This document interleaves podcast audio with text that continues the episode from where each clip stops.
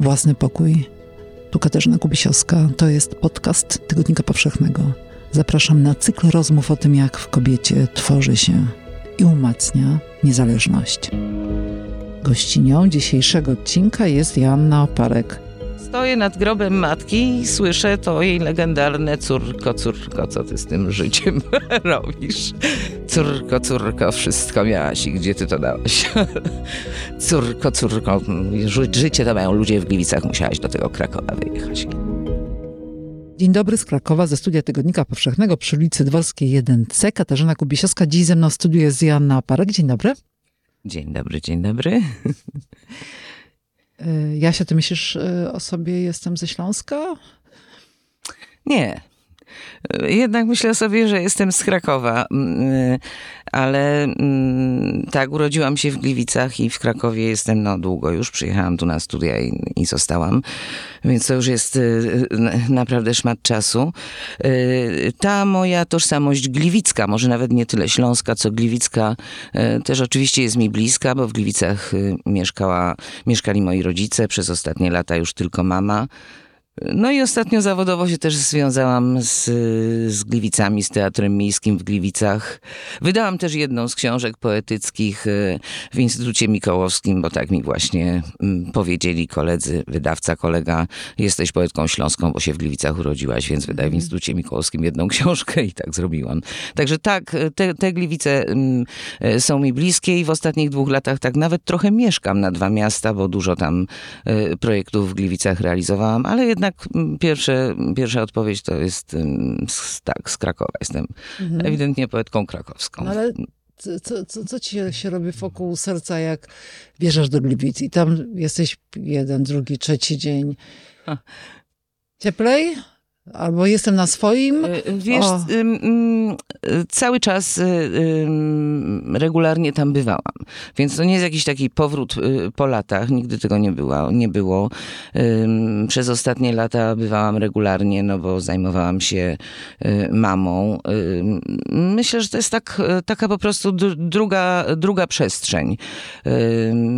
No, właściwie w tych Gliwicach przez lata już nikogo nie znałam, jak chodzi o te towarzyskie kręgi, a w tej chwili znowu mm, znam całe Gliwice, więc ja mam raczej takie y, to świeże doświadczenie związane z Gliwicami, które są takim bardzo fajnym miastem i też no, może jestem w tym takim fajnym y, y, środowisku teatru miejskiego w Gliwicach, y, więc nagle mam wrażenie, że tak odzyskałam to miasto mm, w ten sposób.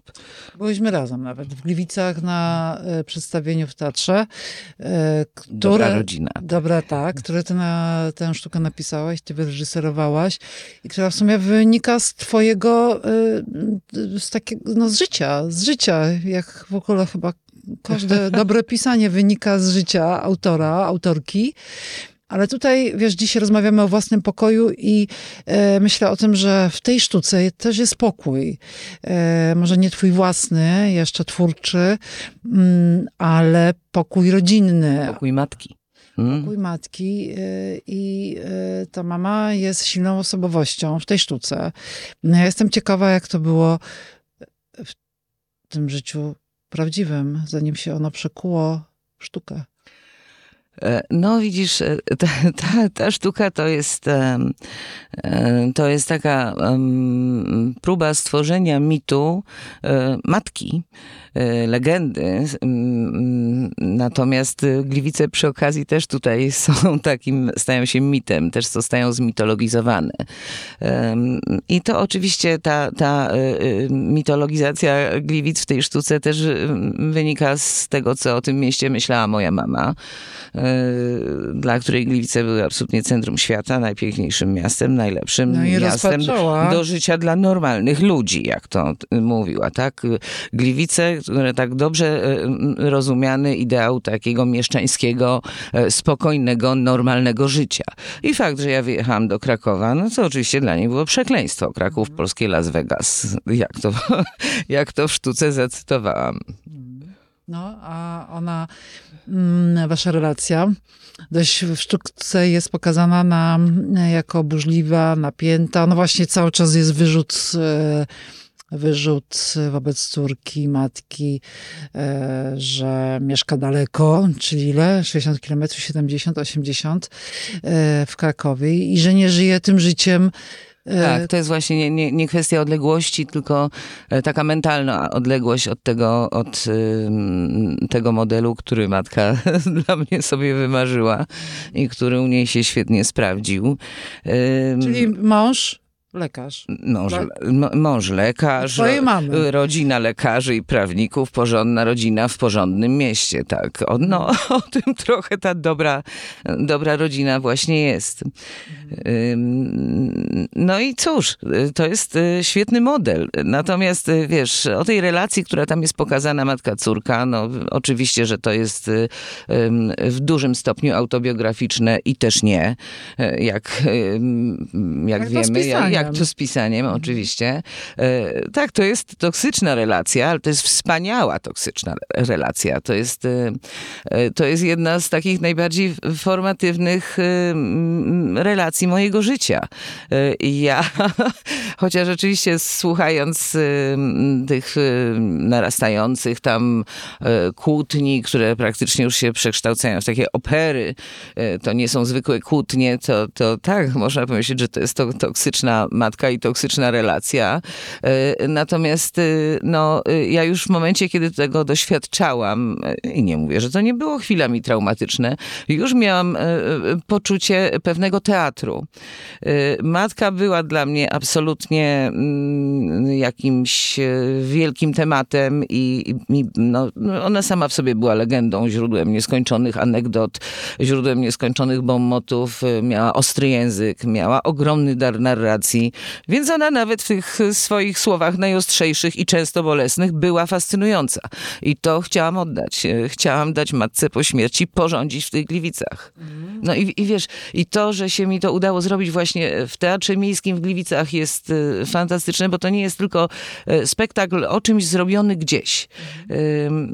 Ja napisałam tą sztukę dwa lata po śmierci mamy. I to mnie ciekawi. Czy w momencie, bo powiedziałeś przed sekundką, że to już się, ten teatr zaczął za jej życia. Tak. E, że ona już była na tej scenie.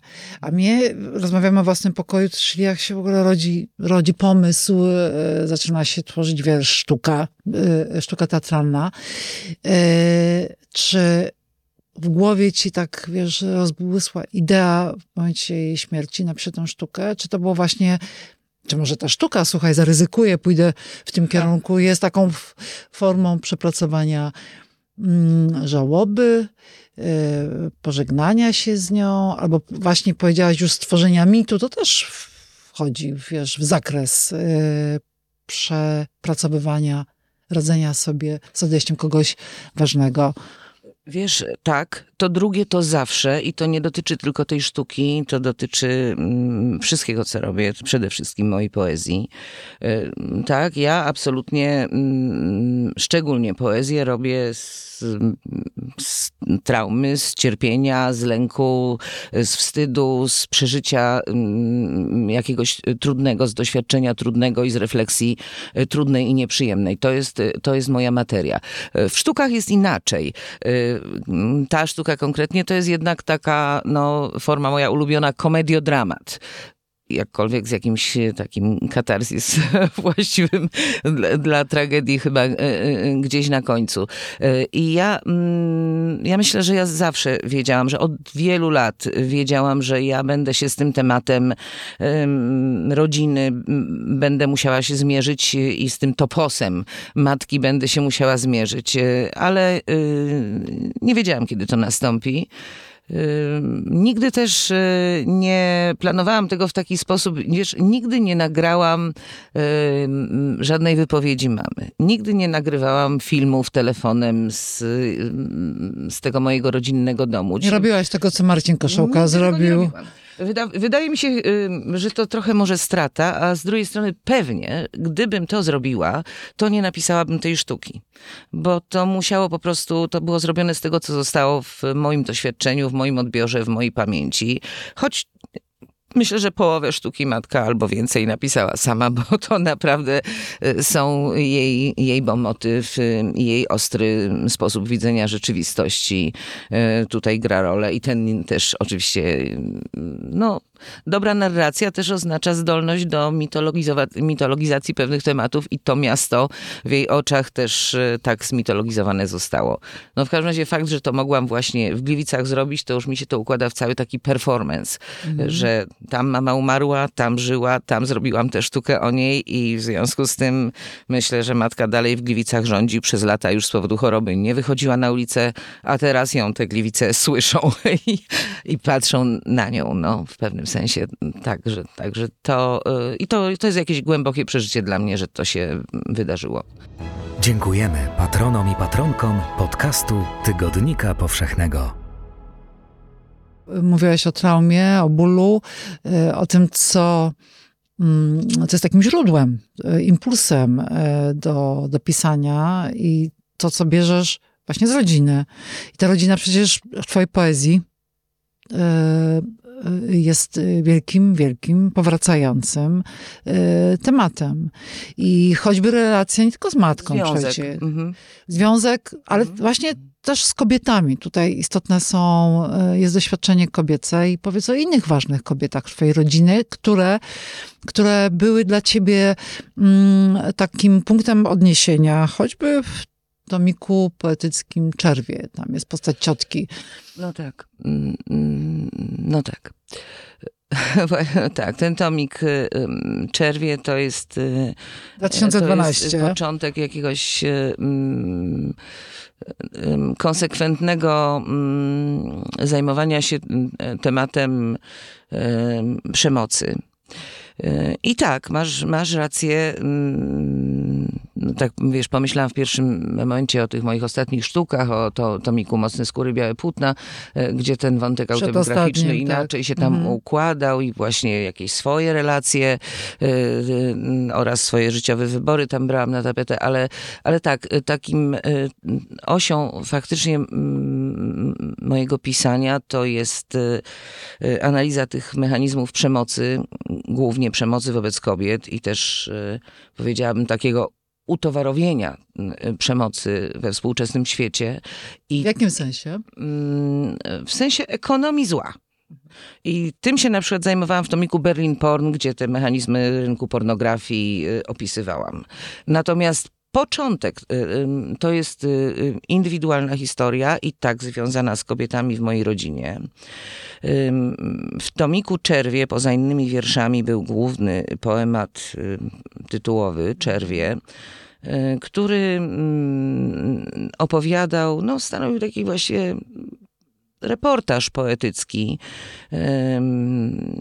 niedosłowny, ułożony w takim, napisany takim językiem, powiedziałabym, modlitwy i pieśni, co wynikało z postaci bohaterki. On opowiadał o wojennych losach y, mojej ciotki, siostry mojego ojca, która w wieku lat dziewięciu została zgwałcona przez gestapowca i zatrzymała się w tym momencie swojego życia. Stała się starą dziewczynką. Ja ją poznałam jako starą dziewczynkę z warkoczem. Y, ona zatrzymała się w swoim rozwoju nawet fizycznie, była niezwykle drobna. Była też pełna radości i takiego dziecięcego stosunku paradoks, do świata. Prawda? Paradoks, absolutny paradoks. Ona została dziewczynką do końca życia.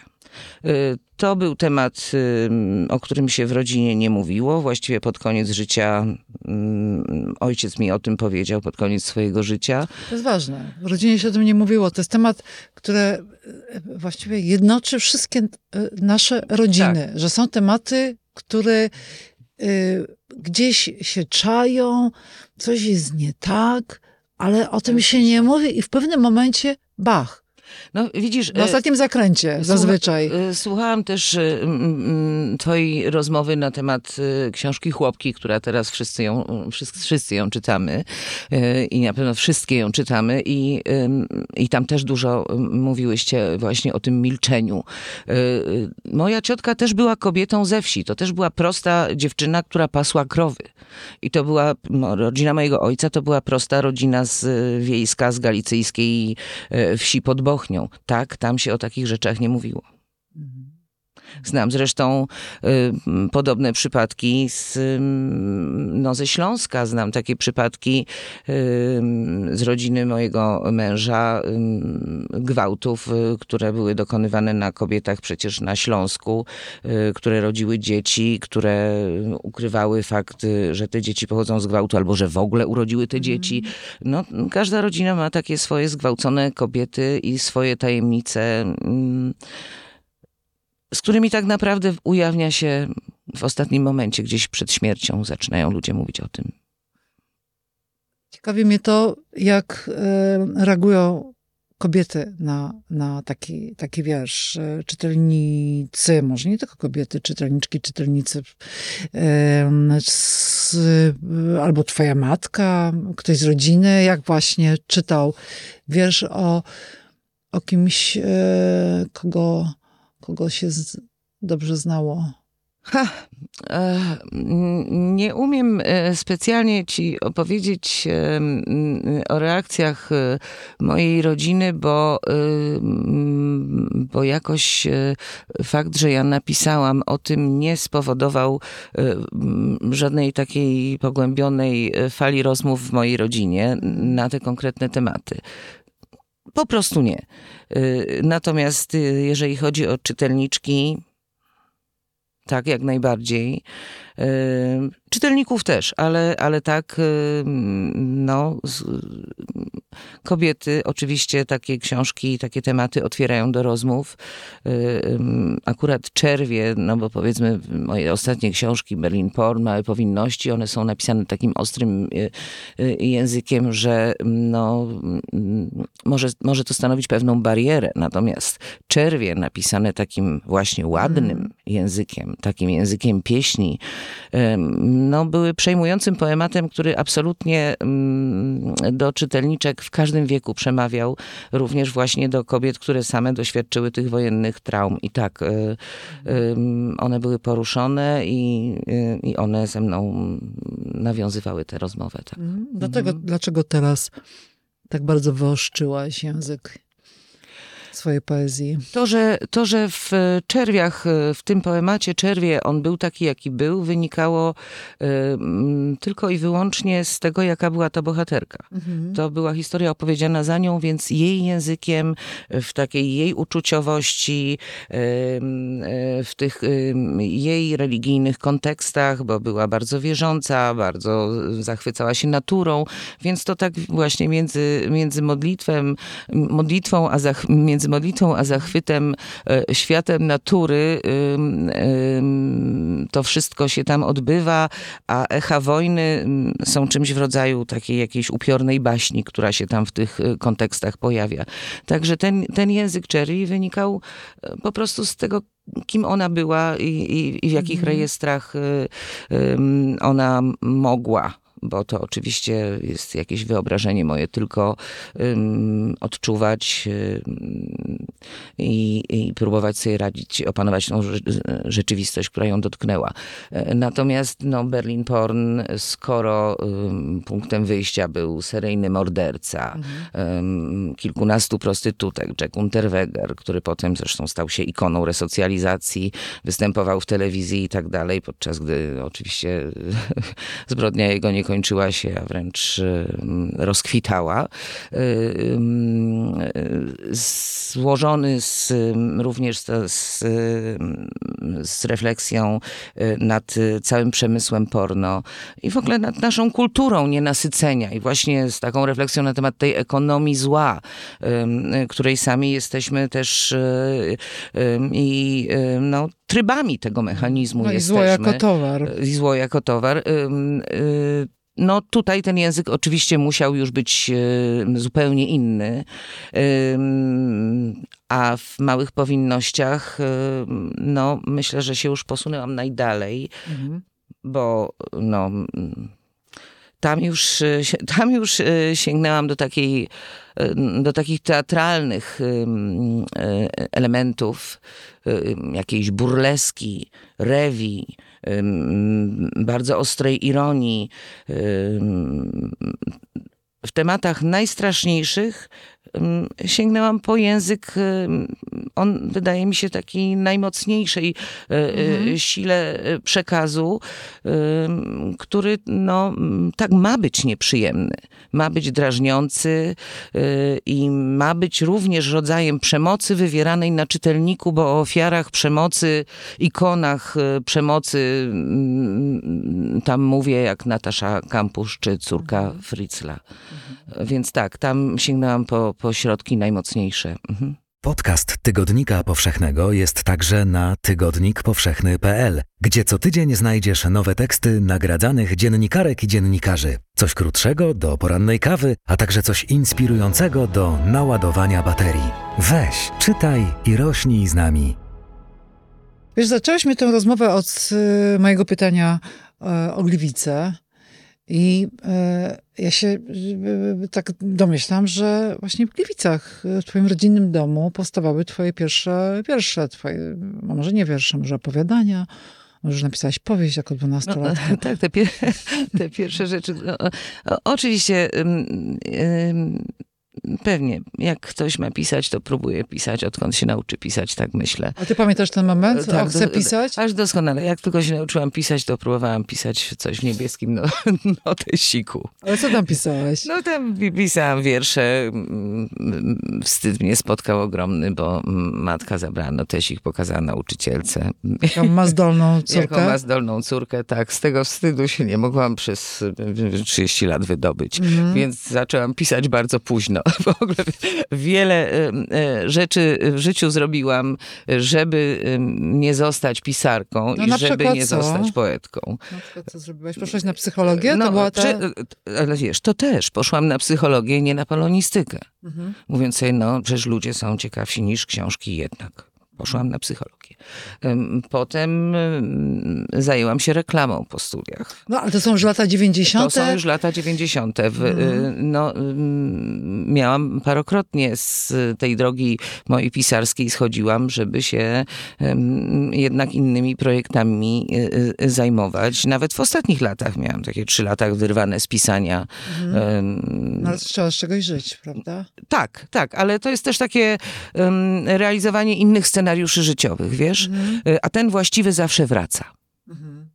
Dopadnie cię twoje, twoje Dopadnie, życie. dopadnie. cię. I wiesz, i tak jak y, y, y, słucham twojego pytania, bardzo ważnego właściwie, no wyznaczającego główny temat tych podcastów, kiedy, jak, w jaki sposób y, w kobiecie się rodzi wolność, y, to ja bym powiedziała, mm, dla mnie y, ta wolność rodzi się w momencie, kiedy odkrywasz swoją tożsamość i masz odwagę jej bronić i podążać tą drogą. No i to jest ten moment, który się zdarzył w twoim życiu. Dokładnie kiedy? To jest ten moment, kiedy mm, stwierdziłam, że wszystkie scenariusze życiowe, y, mm, nawet bardzo barwne, które się przede mną rozwijały, jak miałam lat około 30, są złymi dla mnie scenariuszami, nieprawdziwymi, że ja muszę pisać, że ja muszę zostać poetką, bo tylko tak będę w zgodzie ze sobą. Po prostu bez, bez tego pisania nigdy nie byłabym w zgodzie ze sobą. I, i odwaga w pisaniu i odwaga w dokonywaniu życiowych wyborów i zmian szły ze sobą ramię w ramię. Mhm. Teraz już nie masz żadnych wahań? Pewnie, Jesteś na... mam, ale Mhm. no jakbym już, wiesz, na, na, na szczęście nic, nic takiego nie mogę powiedzieć, że nie mam wahań, albo że jestem spełniona. Nie, nie, nie, jestem na dobrej drodze. To o to chodzi. To Nie, nie jesteś spełniona? mam nadzieję, że nigdy nie będę. Hmm. Nie, no, ja mam nadzieję, że nigdy nie będę. Wiesz, y, y, słowo spełnienie to jest taka jakaś, to jest takie wygodne, dobre słowo, taka jakaś emerytura od, od wiesz, już y, zmagań i, i wyborów. Nie, nie mam takiego poczucia, nie mam takiego komfortu.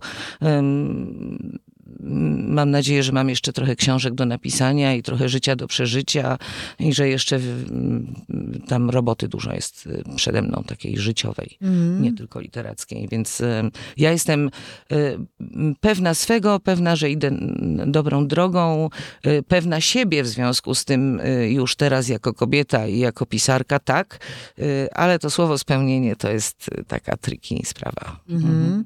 No, a jak mówisz o scenariuszach różnych w twoim życiu, twoich, e, nie twoich, to życie prawdziwe, które do ciebie to twoje, które wraca, chociaż się czasami od niego e, uciekało, uciekałaś.